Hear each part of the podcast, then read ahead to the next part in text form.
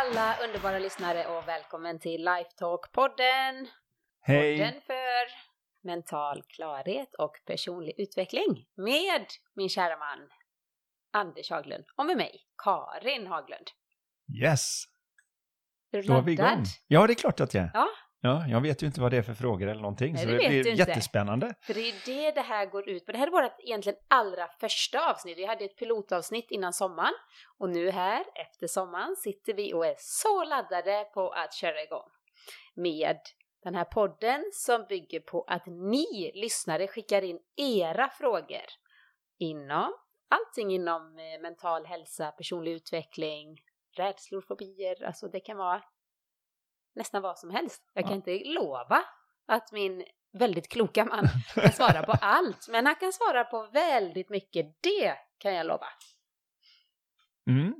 Det ska bli spännande att se, för jag tror att eh, det vi vill göra skillnad för är verkligen att mitt i vardagen där människor befinner sig. Det kan vara allt ifrån att man har något strul med en kollega eller en chef eller någonting på jobbet till att det är någonting hemma i förhållandet eller att man helt enkelt eh, funderar på hur man kan hjälpa någon annan. Eller sig själv i en hobby eller om man har det som sin profession. Högt, lågt, brett, eh, smalt. Eh, allt som går som hör livet till har vi tänkt på att ta i detta som är Lifetalk-podden. Det är också, vi har ju också ett konversationsspel som heter Lifetalk. Där, som bygger på olika coachande frågor som är så himla populärt. Så i slutet av varje eh, podd så drar vi också en fråga. Är tanken. Men vet du vad? Vi har redan fått in många frågor. Oh, vad härligt. Och du har ingen aning. Nej, det har jag inte. Älskar hemlisar. ja, det är bra det. Eh, så jag har tagit ut några frågor som Mm. jag tror att många vill höra svaret på. Framförallt de som har skickat in frågorna förstås. Men jag tycker vi kör igång om du är redo Anders. Ja, blir inte mer redo än så här. Alltid redo. Okej. Första frågan. Hej Anders och Karin. Jag går och funderar på ett beslut att ta gällande en eventuell flytt. Känner att jag står och stampar utan att veta varken in eller ut. Hur vet jag vad som är rätt beslut och vågar lita på det? Yes, det tror jag är en sån sak som väldigt många grunnar på för att vi vet ju det att våra beslut har en enorm effekt på våra liv. Jag tror att alla kan titta tillbaka på livet och ta ut ett antal ställen där man vet om jag hade valt något annat i det här läget så hade jag inte ens varit på samma ställe. Jag hade inte varit med samma personer. Jag hade inte bott på samma ställe om vi tar den här frågan. Så ibland så gör vi helt enkelt för stor sak av det eftersom vi tänker på alla dessa konsekvenser och vad är det rätta? Som om vi skulle kunna förutsäga framtiden. Det jag kan säga är att som allt annat här i livet så har det lite grann med sannolikhet att göra. Och det vi vet om oss människor det är att vi är mest att lita på när vi är i ett bra sinnestillstånd. Så när vi är just i mental balans, vi känner att vi är på ett bra ställe, så kanske vi får en fantastisk idé. Man kan eh, sitta på förmiddagen och tänka åh, jag ska starta det här företaget eller jag ska flytta till det här nya stället och det är ett mycket bättre ställe att starta på. Och sen efter lunch någonstans så kryper lite osäkerhet in och så känner man, men vem är lilla jag och fixar det här? Det här kommer ju aldrig funka, vad tänkte jag på? Och då är frågan, eftersom jag har möjlighet som människa att tänka båda de två sakerna, vilken av dem ska jag lita på? Och mitt råd helt enkelt är det att lita på den där du kände dig mest ansträngningslös. Där du kände att du var mest i balans. Där är du mest att lita på helt enkelt. Så man kan jämföra lite grann med att vara lite eh, berusad. Eh, vi vet alla att eh, man ska inte sätta sig i bilen om man har druckit något. Men om man nu väl skulle råka göra det där så är det väldigt bra om ett, man vet om att man är berusad. Två, att man kör väldigt sakta och att man tar marginal när man åker runt. För man vet att den här cementgrisen kanske inte står där mina ögon just nu säger att den står. Medan när jag är nykter så står den faktiskt där. Så det är lite samma emotionellt, att vi är lite så att säga berusade när känslorna går höga. När vi är väldigt osäkra och oroliga eh, så ser vi världen lite skevt. Och det innebär att hon får helt enkelt titta om det var en hon, jag kommer inte riktigt ihåg det nu, men det lät så på något vis. Jag vet inte om det är varken en eh, hon eller Nej, så um, var ju barn som skriker i bakgrunden direkt också. Men Det är just att veta- Live, men ja, oavsett. Det var någon Oavsett så är det, när är jag att lita på är den viktiga frågan. Om andra ord, jag är som mest att lita på precis när jag är i balans och är på ett bra ställe. Och då vet jag att det jag tänkte då och det jag beslutade mig för då, det är så nära sanningen och det bästa jag kan göra som jag kan komma. Men visst är det som så Anders att det är just de här tillfällena när vi har starka känslor, när vi känner att jag måste ta ett beslut och jag måste bestämma mig nu och man faktiskt inte är så mentalt klar. Är det inte vanligt att det är då man typ så att säga, känner att nu måste jag ta ett beslut? Det är Ja, väldigt insiktsfull då att kunna veta att det, låt det vara lite. ja. Eh, Vi känner oss mest tvingade till det just när vi har de där Mm. starka känslorna. Det är då som det känns så som att nu måste jag göra någonting. Eh, och då gäller det att förstå det, att de där känslorna gör att det är lite som att ha irrglasögon på sig.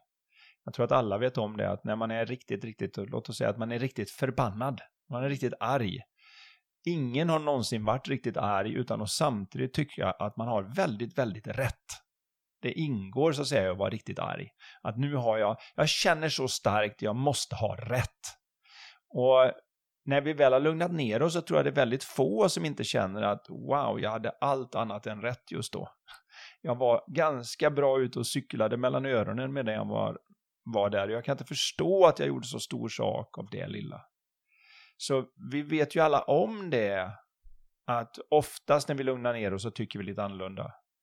Skulle vi tycka samma sak när vi har lugnat ner oss, då är det ju bara genuint att vi hetsar upp oss för det, men det är ändå rätt sak. Men vi tar ändå, det är mycket bättre att ta beslutet utifrån och veta att hade jag fem minuter idag där jag var lugn och inte osäker och orolig och då tyckte jag så här, då ska jag gå med det jag tyckte då. Det är liksom facit. Det är din lugna röst i stormen just då. Så det är så nära du kan komma. Ingen kan förutsäga framtiden, ingen kan säga vad som kommer vara bäst. Det jag vet är att du kan göra det bästa av vad som helst när du är i ett bra sinnestillstånd. Men självklart så vill vi ta ett bra beslut och med all den information du har, med allt det som har kommit till dig genom ditt liv, ingen känner dig så bra som du känner dig. Och när du är lugn och du är mentalt klar, då kommer du så nära som möjligt att ta det bästa beslutet för dig. Det svåra är att lita på det när man senare blir osäker, men det gäller att komma ihåg att det jag tänkte när jag var lugn är facit. Mm. Och oftast då, det blir så mycket enklare då, för det, det är så tydligt ja eller nej när vi är i mental balans. Och är det inte det, det vet jag du sa till mig en gång, om det nu verkligen är så här att även när man är lugn och harmonisk och mår bra och man känner A, både A och B, alltså båda är egentligen bra, ja men då är det ju inte heller så jätte, spelar nästan ingen roll, de är säkert lika bra, alternativen. Ja, Eh, det, oftast är det ju så då att är de så nära varandra att det är så spelar det oftast ingen roll. Och känns det osäkert när man är lugn, då är det bara att man saknar information. Då behöver man slå ett par eh, samtal, man behöver titta lite på internet och ta reda på mer om den här utbildningen eller vad det nu än är. Eller flytten då. Ja, i flytten i det här är, fallet då, så kanske man behöver lite vara. mer information. Man åker till området och rekar runt lite och känner om det känns rätt. Och därefter frågar man frågan igen och ser om man håller med sig när man är lugn. Mm. Men är det lite uppe i luften så antingen så är de två alternativen så nära varandra att det inte spelar någon roll. Och om det inte spelar någon roll, vilken känns bäst då? Och så tar du den. Mm. Eh, det är det vanligaste vill jag påstå om man inte har ett klart svar när man är klar. Hoppas det här svaret gjorde att eh, den här personen eh, vet när den i alla fall ska lyssna på sitt egen sin känsla av att kunna ta rätt beslut. Då går vi vidare till nästa fråga. Mm. Och den lyder så här. Jag har en fråga om energitjuvar. Hur gör man för att på ett snyggt sätt lämna dessa människor som dränerar en på energi? Ska man tala om det eller bara sluta höra av sig? Mm. Mm. Tror jag faktiskt också en del känner igen sig i just det här med att man vet att vissa personer man har i sin närhet eller kanske på jobbet eller någonting har en tendens att Trigga igång grejer Trigga i en igång. som eh, är... Om man, det finns ju två delar i det. Nummer ett är ju den här att ibland så är det bara för mycket jobb att fixa till saker. Men klart man kan sätta sig ner och ha en diskussion och se om man kan klara ut det, men ibland är det bara, eh, går det inte att fixa. Eh, och då, då får man helt enkelt göra så som hon eller han funderar på, avskilja sig från situationen, personen. Men det är inte hållbart i längden. Vad ska man göra när man ser dem på stan? Slinka liksom snabbt in på Åhléns och hoppas de inte såg en. Eh, det som är ett annat sätt att titta på det är att ibland kan det vara lite intressant att se, finns det någon person som jag respekterar som tycker att den här personen är en bra person eller som gillar den här personen? Och då kan man också fundera på, vad är det de ser som inte jag ser? Vad är det jag har missat? För ofta så tänker vi så här att om det är en annan person som jag tycker är en vettig människa som gillar den här personen så undrar man ju hur har denna människa lyckats bli så duperad av denna energitjuv så de inte fattar hur illa det är. Vi tittar väldigt sällan i riktning mot att tänk ifall det är jag som har duperad och tror att de är energitjuv. tänk, ifall, tänk ifall det faktiskt är jag som missar känslan av respekt, värme, medkänsla. Eh, det finns en, i varje fall Eh, ett värde i att ta en titt i den riktningen. För jag har ju haft eh, klienter som har haft det så. Jag hade en som gick ganska långt och sa det, vad gör man om man jobbar med en narcissistisk psykopat? Eh, och när jag frågade precis det här, finns det någon människa du känner som faktiskt tycker att den här personen är en bra person, eller som till och med älskar den här personen? Ja, han, hans fru är ju helt fantastisk. Och hon gillar ju honom. Och jag har ju verkligen tyckt att hur har hur har han lyckats lura till sig en sådan fantastisk kvinna när han är en sån stolle? Jag hade aldrig slagit honom att fundera på vad är det hon ser som inte jag ser, för hon är ju en vettig person. Är hon verkligen duperad eller är det, är det så att det är jag som missar någonting? Och han kom tillbaka två veckor senare och sa att han har varit jättemycket trevligare de här två veckorna. Så att det finns ju alltid ett anslag, men eh, ibland har det gått så pass långt att man ser att ja, det är möjligt att jag skulle kunna se det, men jag har inte den orken och då får man avskilja sig. Men hur gör man det då på, man säga, på ett snyggt sätt? Man får väl se det som det är när man gör slut i ett förhållande. Att det spelar ingen roll hur du gör det, om den andra personen inte vill det så tycker inte de det är snyggt. Gör det personligen så säger man, man kan inte tro att de kom hit och sa det personligen. Och gör man det på sms så säger man, gjorde det på sms. mm. Eh, för när någon, är, när någon inte gillar det på fel ställe, då är allting fel naturligtvis. Så det enda man kan göra är att rakryddat, autentiskt säga som det är när man, är, när man känner att man har lite i sin eh, bensintank så att man kan hålla sig lugn. Men när man gör det så det inte blir någon form av pajkastning eller jag vill aldrig se det mer ungefär. Utan att man kan bara tala om det att när jag känner att för mitt liv så eh, vill jag inte umgås. Det här är bara ett sånt beslut. Så att om du undrar varför jag inte svarar och annat så är det varför. Liksom. Så att man får vara så rak man klarar av att vara där. Och är det inte bra då jag tänker på så här, vad har jag läst, eller jag har läst i flera olika böcker, så där, att man ska tala om jag känner, jag upplever det, mm -hmm, och inte lägga skulden på den andra då, energitjuven, eh, utan att man Förstår du vad jag menar? Ja, så länge att... det inte blir den där, länge det är inte du, det är jag. Ja, det, det känns ju lite fel. Men däremot så kan man faktiskt säga just det där att man, man talar om utifrån sig själv. Alltså ord, man talar om sanningen om sig själv snarare än att tala om sanningen om den andra personen. För det blir aldrig riktigt bra. Eh, det vet vi i varje fall säkerligen. Så att mm. Eh, man får ta en titt därifrån och inse att okej, okay, jag, får, jag får säga sanningen om mig i den här situationen, inte liksom nu ska jag säga lite sanningar om dig. Eh, man får hålla sig där. Det är där. också lättare att göra om man då återigen knyter an till det vi har i vår rubrik där, mental klarhet.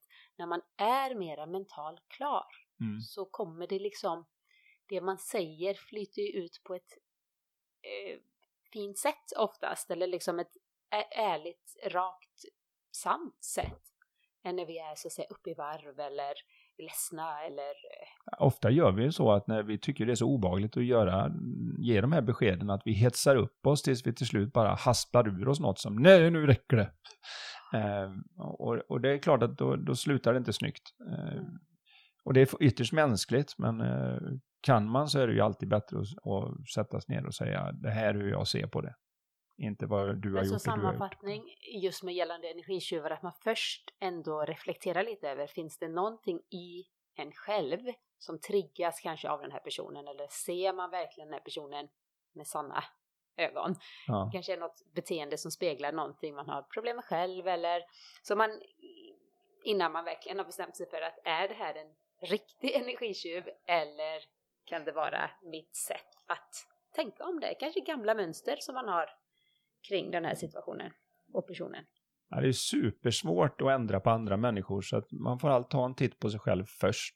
Mm. Inte, det är inte att man ger upp eller att det är alltid jag som ska vara någon dörrmatta eller vända andra kinden till, utan det är mera för att det är mitt liv och jag vill leva det bra. Och mm. jag lever det bättre om jag tar en titt på hur jag kan hur jag kan använda den här som en lärdom där jag kan vara ännu bättre och ha en bättre relation till mig själv, min omvärld och mina tankar.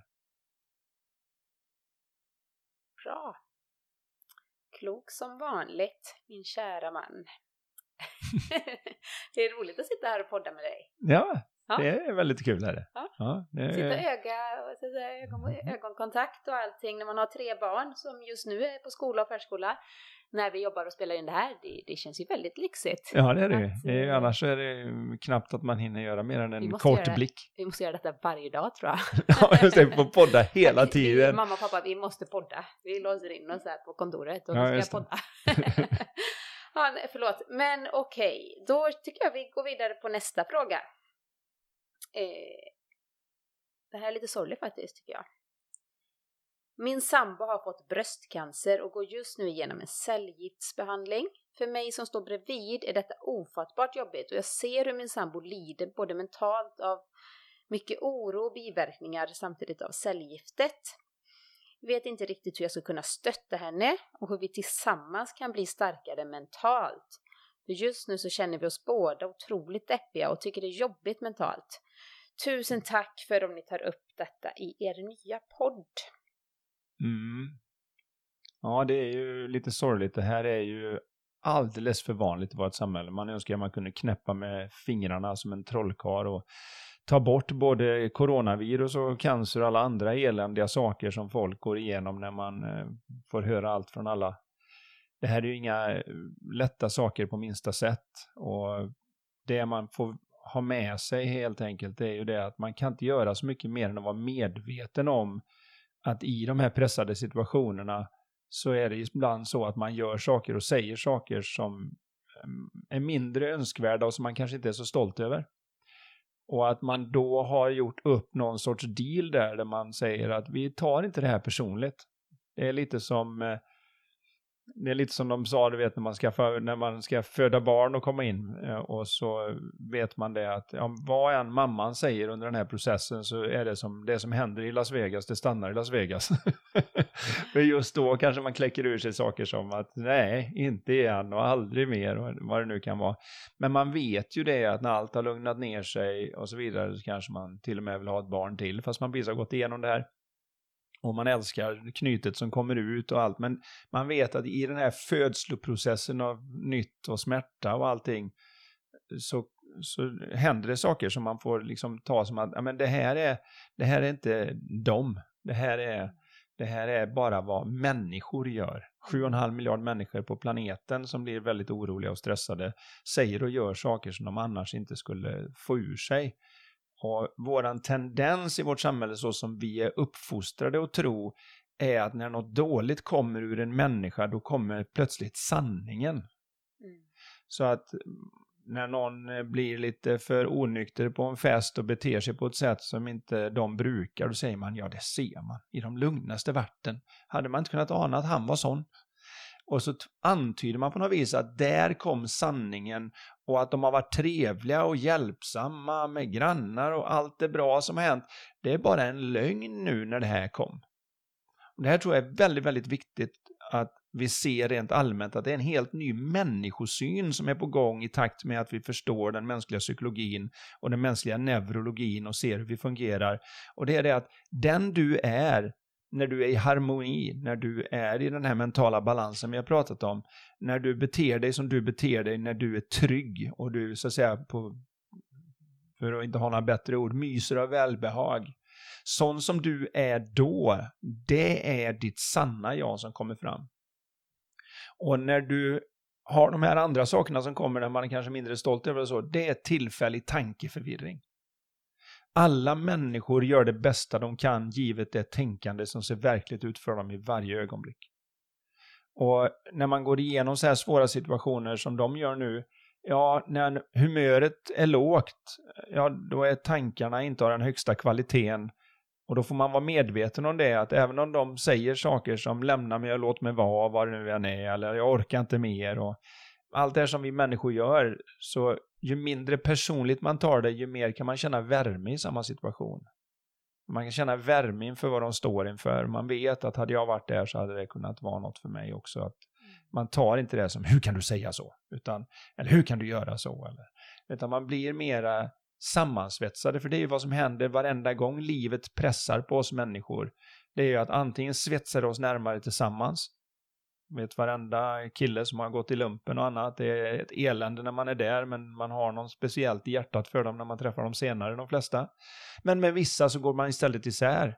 Och skillnaden är inte vad vi går igenom, skillnaden är just det här medkänsliga, mänskliga anslaget som man har när man kommer in i det. Har man den här att det här är vad en vettig människa kan göra när man är utsatt för sånt här, eh, ja då, då, då kommer man närmare varandra. Men får man för sig att nej, nej, nej, en vettig människa kan inte göra sånt här och man borde göra något bättre, ja, då är risken att man trycks isär istället för att tryckas ihop. Och, och där vill jag då ge det rådet att helt enkelt se det som att man tar det inte personligt och de stunder av humor, av skratt, av glädje som kan komma mitt i sorgen, det är närmare fabriksinställningen än det man har när man, en människa blir riktigt osäker för att det susar så mycket osäkra tankar om framtiden och hur kommer det gå och kommer vi överleva det här, klarar vi det här, fixar vi detta? Sånt som många går igenom bara nu i dessa covid-tider liksom, där man funderar på jobb, vissa branscher har försvunnit helt och hållet, ungefär som föreläsningsbranschen där jag jobbar. Den gick ju, man har ju varit med om att, oj, inte så jättemycket boka, man har inte varit med om, nej, ingen, ingen bokar just nu, man får inte göra mer än 50 pers artister som är oroliga och annat. Så alla går igenom det och det är ytterst mänskligt när man är i de här situationerna, men det bästa sättet är bara att och ser det mänskliga i det så kan du plötsligt vara varm i en situation där du kanske annars hade varit irriterad. Och de gångerna du inte klarar av att vara varm och du är irriterad så får man se det, ja det är min tillfälliga tankeförvirring. När jag är tillbaka på rätt ställe då känner jag mera åh än åh. jag tänker också inte liksom ha lagom mänskliga krav på sig själv. Att, eh, jag menar, man kan inte alltid vara kanske superpepp, för det är ju jobbigt för den här personen också då, partnern som står vid sidan. Det är ju jättejobbigt. Jag tror man måste tillåta sig för att få vara ledsen, att tillåta sig att vara ledsna tillsammans, att sörja detta. För att så att säga kunna hitta kraft efter sorgen att liksom, ja, tänka nytt. Och även det här med hur vi tillsammans kan bli starkare mentalt. Ja, jag kan säga det garanterat så kommer ni bli starkare av en sån här tuff prövning i livet. Ja, det som man nästan alltid får med sig är ju att man får helt andra värderingar för vad som är viktigt. Mm. När man står inför det här och jag har ju tyvärr träffat på en del genom coachingen som har haft sånt här Eh, så märker man ju det att vad de än hade för meningsskiljaktigheter så ser de löjliga ut i förhållande till det här. De kan ha gått och varit sura på varandra ett par veckor eller längre tid än så ibland. Och så får den ena partnern beskedet då att de står inför en allvarlig sjukdom och plötsligt så är ju det inte viktigt alls, de där meningsskiljaktigheterna.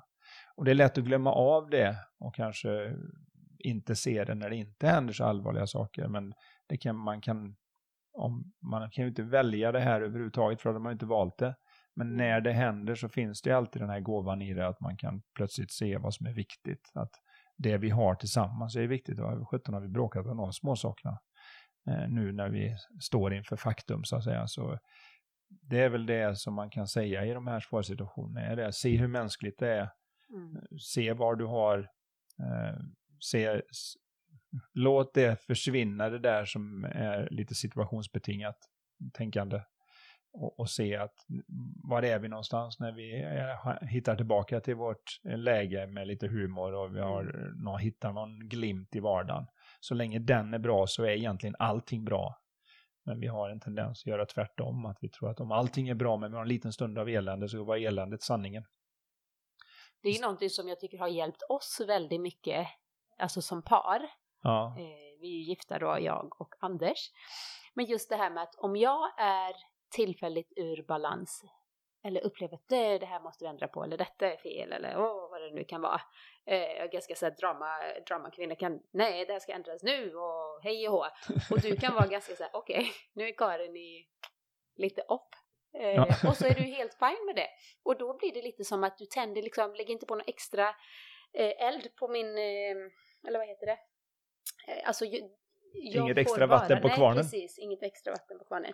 Jag får liksom vara det, lite upprörd en stund och så kommer jag liksom lite tillbaka och sen och likadant tvärtom när jag ser oj nu var Anders lite stressad. För ja, framgångscoach, man kan också vara stressad. Eh, det är bara att det är en helt annan eh, vad ska jag säga, förståelse tror jag för oss båda, att vi ser att det, det sämre är ju de båda två är stressade samtidigt, för då kan det ju bli lite så här, men annars, alltså någonstans så ser man bakom att nu är det bara tillfällig oklarhet hos den personen. Vi väntar lite, går inte på att trigga på det här. Nej. Så jag tänker oftast så är ju, när en är svag, är oftast den andra stark. Och då kan man höja den andra, och tvärtom. Och skulle man ha Det- tillfällen där båda är svaga så att det liksom inte just då finns någonting och sätt att fixa till det och reda ut det, för det går inte då. Så är väl det bästa med den här förståelsen som vi har att vi försöker inte fixa till det efteråt när vi har lugnat ner oss. Så vi går inte tillbaka och diskuterar, ja nu ska vi prata om vad som hände. För det enda som händer då är att man drar upp samma tankebana igen och så är man tillbaka. Utan man ser att det var liksom bara, japp, blev lite för mycket mellan öronen, det orsakade en fruktansvärd känsla. När man är i det läget så känns det som att den känslan kommer någonstans utifrån och eftersom partnern alltid är där så är det säkert partnern. Så då måste jag greja med partnern så att de ändrar sig och blir som jag vill och då kan jag få tillbaka min bra känsla. Istället för att säga att det var precis tvärtom. Känslan sjönk och så såg partnern dålig ut.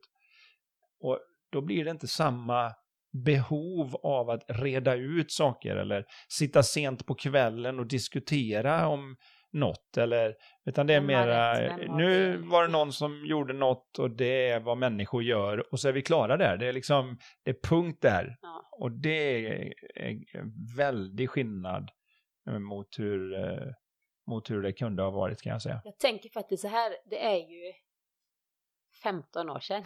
Jag var tvungen att tänka, visst, vi firade ju 15 år. Jag säger guldfisken, nej, vi firar 15 år i bröllopsdag i juni, jag och Anders. Och jag tänker på en sak som eh, under ett tal på våra bröllop. Mm. Han sa att gå aldrig och lägger osams och nej, nej, man ska alltid liksom bli sams innan man går och lägger sig. Och redan då så visst kollar vi på varandra lite. Ja, så jag gjorde en liten eh, flörtade lite att ja, just det. Det ska vi visst. Mm. Om det är som så att vi sent på kvällen båda två lyckas vara ur balans, osams, vad det nu kan vara. Inte är det i det tillståndet man ska försöka reda ut. Nej. Utan, nu- jag tror nästan aldrig har hänt, men om det skulle hända, då går man och lägger sig. Mm. Tar det dagen efter och så ser man på varandra, känner sig jättekär och tänker vad var det där igår? Äsch, alltså herregud vad löjligt. Ja, och allt Så som oftast vet man inte ens var det startar. Nej, Eh, då kan man ju skratta åt det. Det har vi faktiskt gjort flera gånger vet jag nu. Kanske inte, ja men det kan vara vart på dagen men sen när man liksom, alltså hoppsan. Om inte barnen har vaknat än så man har tid att skratta åt det. Ja, nej, det är sant. Då får man, ja. Så är det ju. Men, men det, det, är en, det är en stor skillnad när man inte, när man ser att det här är bara människor, det är som väder, alltså humöret är lite grann som vädret.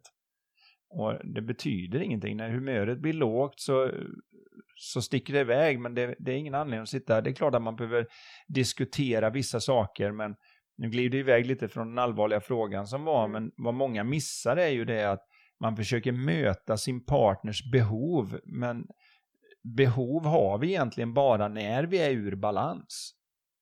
Så det är egentligen bara när vi är låga och mår lite dåligt som det är ett behov av att det ska se ut på ett visst sätt i hemmet. Det är ett behov av. Självklart har man fortfarande preferensen att det ska se ut på ett visst sätt eller man har preferensen att man vill göra en viss aktivitet. Men det är inget behov, det är liksom inte den där Det här jag hade måste tänkt- ske nu, Ja, annars ja. vet jag inte vad jag tar vägen. Var jag tar vägen Ja. För att du ska möta mitt behov. För att om man börjar möta sin partners behov när de är ur balans så är det som en hydra. Varje huvud du hugger av så kommer det två nya. Det spelar ingen roll vad du gör för det är alltid något annat som det är fel på just då. Mm. Och det vi missar är ju det att det, vi tror ju att det är de yttre omständigheterna det är fel på och därför vi mår fel så att säga. Istället för att se att nu är jag fel på det inuti mig och då ser allting fel ut där ute. Det, det blir som att ha oljesmutsiga fingrar och försöka hitta något rent i köket. Och det visar sig att vad man än plockar upp så är det smuts på det. man undrar varför det är smuts på den här? Jag kunde svära på att jag hade ett rent glas. Och, och missar helt och hållet att ja, men det är jag som smutsar ner allt jag tar i just nu.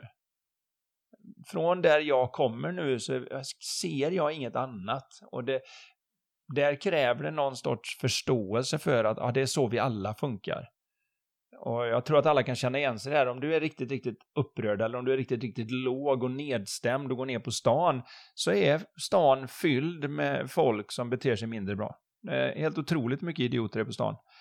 Och när man är på bra humör och går ner på stan, ja då är de mesta som är på stan är trevliga. Det är inte stan som ändrat sig. Fast man kan ju ta lögndetektortest på att ja, men det är för att de är så trevliga på stan som jag har en sån skön känsla. Det är väl precis samma där du brukar säga när man går på fest.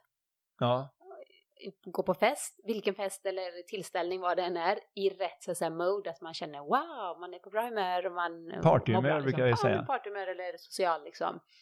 Så har man ju så trevligt med precis vilka personer som helst i stort sett. Ja. Och vad de än säger så man tolkar in det, man, alltså allting bara flyter på. Är man osäker, känner sig låg, eh, stressad och liksom ur balans och går på samma tillställning, samma personer som är trevliga och glada, de då. Men, men du upplever det och du får inte till och du känslan är liksom, alltså det är som två helt olika upplevelser. Ja, man kan ju svära på att det är festen. Ja, det är så himla intressant tycker jag. Eller Och det är, det är jättesvårt att se att vi inte är en kamera som fotar av vår omgivning och därefter mår, utan att vi faktiskt är en projektor. Eh, och det är därför så när vi kommer hem då när man har barn och barnen har ställt till det och man kan tänka hur, hur hinner de ens plocka fram så mycket prylar på fem minuter. Jag, jag bara vände tillbaka och skulle plocka ur bilen och så kommer man in och det ligger alla kuddar från alla soffor och fyra spel och eh, legobitar överallt. Det kan vara att det bara är våra barn också. Ja, det kan vara bara våra barn. Men, det. men det intressanta är ju ändå att när man är på ett bra ställe så blir man nästan lite fnissig och säger hur sjutton har de lyckats med det här? Och när man är på ett dåligt ställe så är det liksom, hör vad har jag sagt, allting ska bort. Nu, en sak ska, vi får inte ta fram en ny sak innan jag har lagt tillbaka den gamla. Och skillnaden är ju inte vad de har gjort, utan skillnaden i anslaget, de skulle behöver ju fortfarande naturligtvis plocka i ordning och vi behöver ha regler för vad man tar fram innan man, och tar bort innan man får ta fram nästa sak och allt det där. Men det är en enorm skillnad på mjukheten och medkänslan och värmen i anslaget när man är på ett bra ställe fast det är samma sak som har hänt. Och jag tror att alla som är där ute kan ha den upplevelsen där man märker skillnaden. Och där är väl det vi pratar om även i den här allvarliga situationen då. Att vi förstår ju att det här är inte lätt på minsta sätt, hur enkelt det än kan låta. Men det är värt det varenda gång man får till att se att ju mer vi kan på något vis hålla oss i lite bättre sinnesstämning, ju bättre ser det här ut och ju mer kan vi stötta och hjälpa varandra på ett produktivt och konstruktivt sätt. Och mm. när vi är låga och inte kan det så ser vi mänskligheten i det. Att nej, men det hade ingen kunnat då. Hade jag haft en fri vilja så att säga i det läget att kunna välja och göra något annat så hade jag ju gjort det, men jag kan inte. Och det är ju en sak som man kämpar med hela tiden med både barn och andra, det är ju det här att när en människa är på lågt humör och de inte sköter sig så är att be dem sköta sig är lite grann som att be en människa som sitter i rullstol och ställa sig upp. De kan inte. Det är fruktansvärt svårt att se. Det är så enkelt att se med någon som sitter lam i en rullstol att det vore ju fånigt att begära att de ska klara av att ställa sig upp. De kan ju uppenbarligen inte det. Men med en frisk människa med alla tår och fingrar och grejer på äh, rätt ställe så att säga, när de är på fel ställe att se att nej, nu kan de inte. De klarar inte av det här och ju mer jag trycker på dem, ju sämre tillstånd hamnar de i och ju mer, om vi ska kalla det, handikappade blir de i det, i det mentala spelet som pågår här. De klarar inte av att inte säga fula ord, de klarar inte av att inte eh, kasta saker, de klarar inte av att inte skrika dumheter. Och, och det är inte bara femåringar, utan det gäller 50-åringar. Vi är, vi är likadana allihop. Det här är ett människoproblem och inte ett eh, specifikt problem för den som ställer frågan. Jag tänker också på det här, för det är nog en väldigt vanlig fråga att en av parterna går igenom någonting tufft och den andra vet hur ska jag bäst kunna stötta och peppa och motivera och så vidare. Så tror man att man ska vara det här, den perfekta partnern och säga de rätta sakerna och så vidare. Men oftast, tror jag, den som så att säga är sjuk eller går igenom det tuffa. Så vill man bara veta att den personen ärligt finns där. Man kan ju till och med fråga, sambon skulle kunna fråga eh, tjejen då som lider av bröstcancer. Hur skulle jag kunna liksom visa, alltså vad, hur, vad kan jag göra för dig? Vad, vad kan hjälpa dig just nu? Helt liksom bara lägga ner och verkligen visa den kärleken och omtanken bakom de orden att jag vet och säga som det är. Jag känner mig frustrerad, ledsen, stressad. Jag vet inte hur jag kan hjälpa dig. Jag ser att du mår dåligt, jag ser hur du lider. Eh, snälla, finns, vad kan jag göra? Mm. Och ibland också faktiskt tala om det att man kanske inte behöver göra så mycket för att när man börjar fixa med en människa som är i ett lågt tillstånd så får ju de upplevelsen av att du gillar bara mig när jag är på det där fina stället.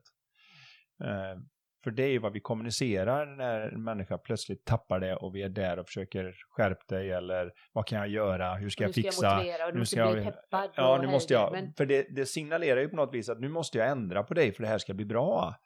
Istället för att se att kanske bara finnas där som sagt var att vi behöver inte fixa någonting. Det, det, här, är, det här är som det är eh, i, i det här läget och det mest villkorslösa man kan göra, för det är det vi pratar om, villkorslös kärlek i de här lägena, det är just det här att det mest villkorslösa vi kan göra är att inte göra. Det är inte känna det här behovet att nu måste jag göra något jättebra eller nu måste du sluta göra något dumt för annars får vi inte till det här. För då signalerar vi till den andra personen att jag gillar ditt ideal-jag men de andra gör sig inte riktigt eh, besvär att finnas med. Utan, så det här är en liten balansgång att se men eh, vi vet i varje fall att alla fungerar bättre när vi kommer från ett varmare ställe. Mm. Härligt. Det var nog många som behövde höra det. Jag behövde höra det. Tack, kära Anders du, vet du vad, du ska få äran att eh, dra ett kort. Nämen. Från vårat Vad ska fina, jag välja? fina låda i guld här, Life mm. Talk. Mm. Och då är det som så att eh, jag tänker bara att om du läser den här frågan så kan lyssnarna få reflektera lite själva när podden slutar över och detta är från eh, Lifetalk 1 och inte Lifetalk 2 Nej, eller? precis. Det har ju kommit ett Lifetalk 2 också men eh, detta ja. är från Lifetalk och det finns ju, ska jag säga, det här fantastiska spelet, både Lifetalk och Lifetalk 2 finns på våran hemsida lifetalkpodden.se. Yes, så är det ju naturligtvis. Det. Plugg, plugg, plugg, shameless. uh, då ska vi se vad det står här. När andra ger dig komplimanger, vad är det då oftast för? Mm.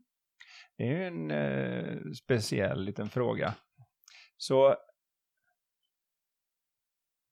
nu blir det ju oftast för mig som sitter i den professionella roll jag har när jag är ute på föreläsningar och sånt så får man ju ofta, eh, men jag skulle nog säga det vanligaste jag får eh, som komplimang är att jag hittar roliga och bra metaforer som förklarar komplexa saker enkelt. Det är kanske den vanligaste, om du ska kalla det en komplimang när någon kommer fram och säger det, där har jag inte förstått förut. Men, men när du förklarar det så där, då fattar jag grejen. Då kan vi säga så här, i vårat äktenskap, ni fattar inte hur bra det är för mig att Anders har den här egenskapen. För det, alltså jag kan tycka saker är så fascinerande, typ kvantfysik, alltså det finns jättemycket saker. Ja, och så frågar jag Anders någonting och så kan du förklara på typ ja men så barnen förstår. Alltså, alltså du är grym på det. Det måste jag säga. Alltså det är kanske det jag får vanligast då och det blir för att man då träffar på när man är ute och föreläser eller numera sitter och zoom-samtalar och sånt. Men eh, i det naturliga mötet med folk så är det nog kanske den vanligaste komplimangen jag får då. Mm. Mm. Så ta er en funderare på vad brukar ni få för komplimanger? Yes! Så lämnar vi er där och så kommer vi tillbaka snart igen med ett nytt avsnitt. Och kom ihåg, mejla era frågor. Så himla roligt! Yay! Bara jag som ser dem. Ni kan göra det direkt på lifetalkpodden.se eller mejla till karin.lifevision.se. Ha det bäst! Ha det bäst!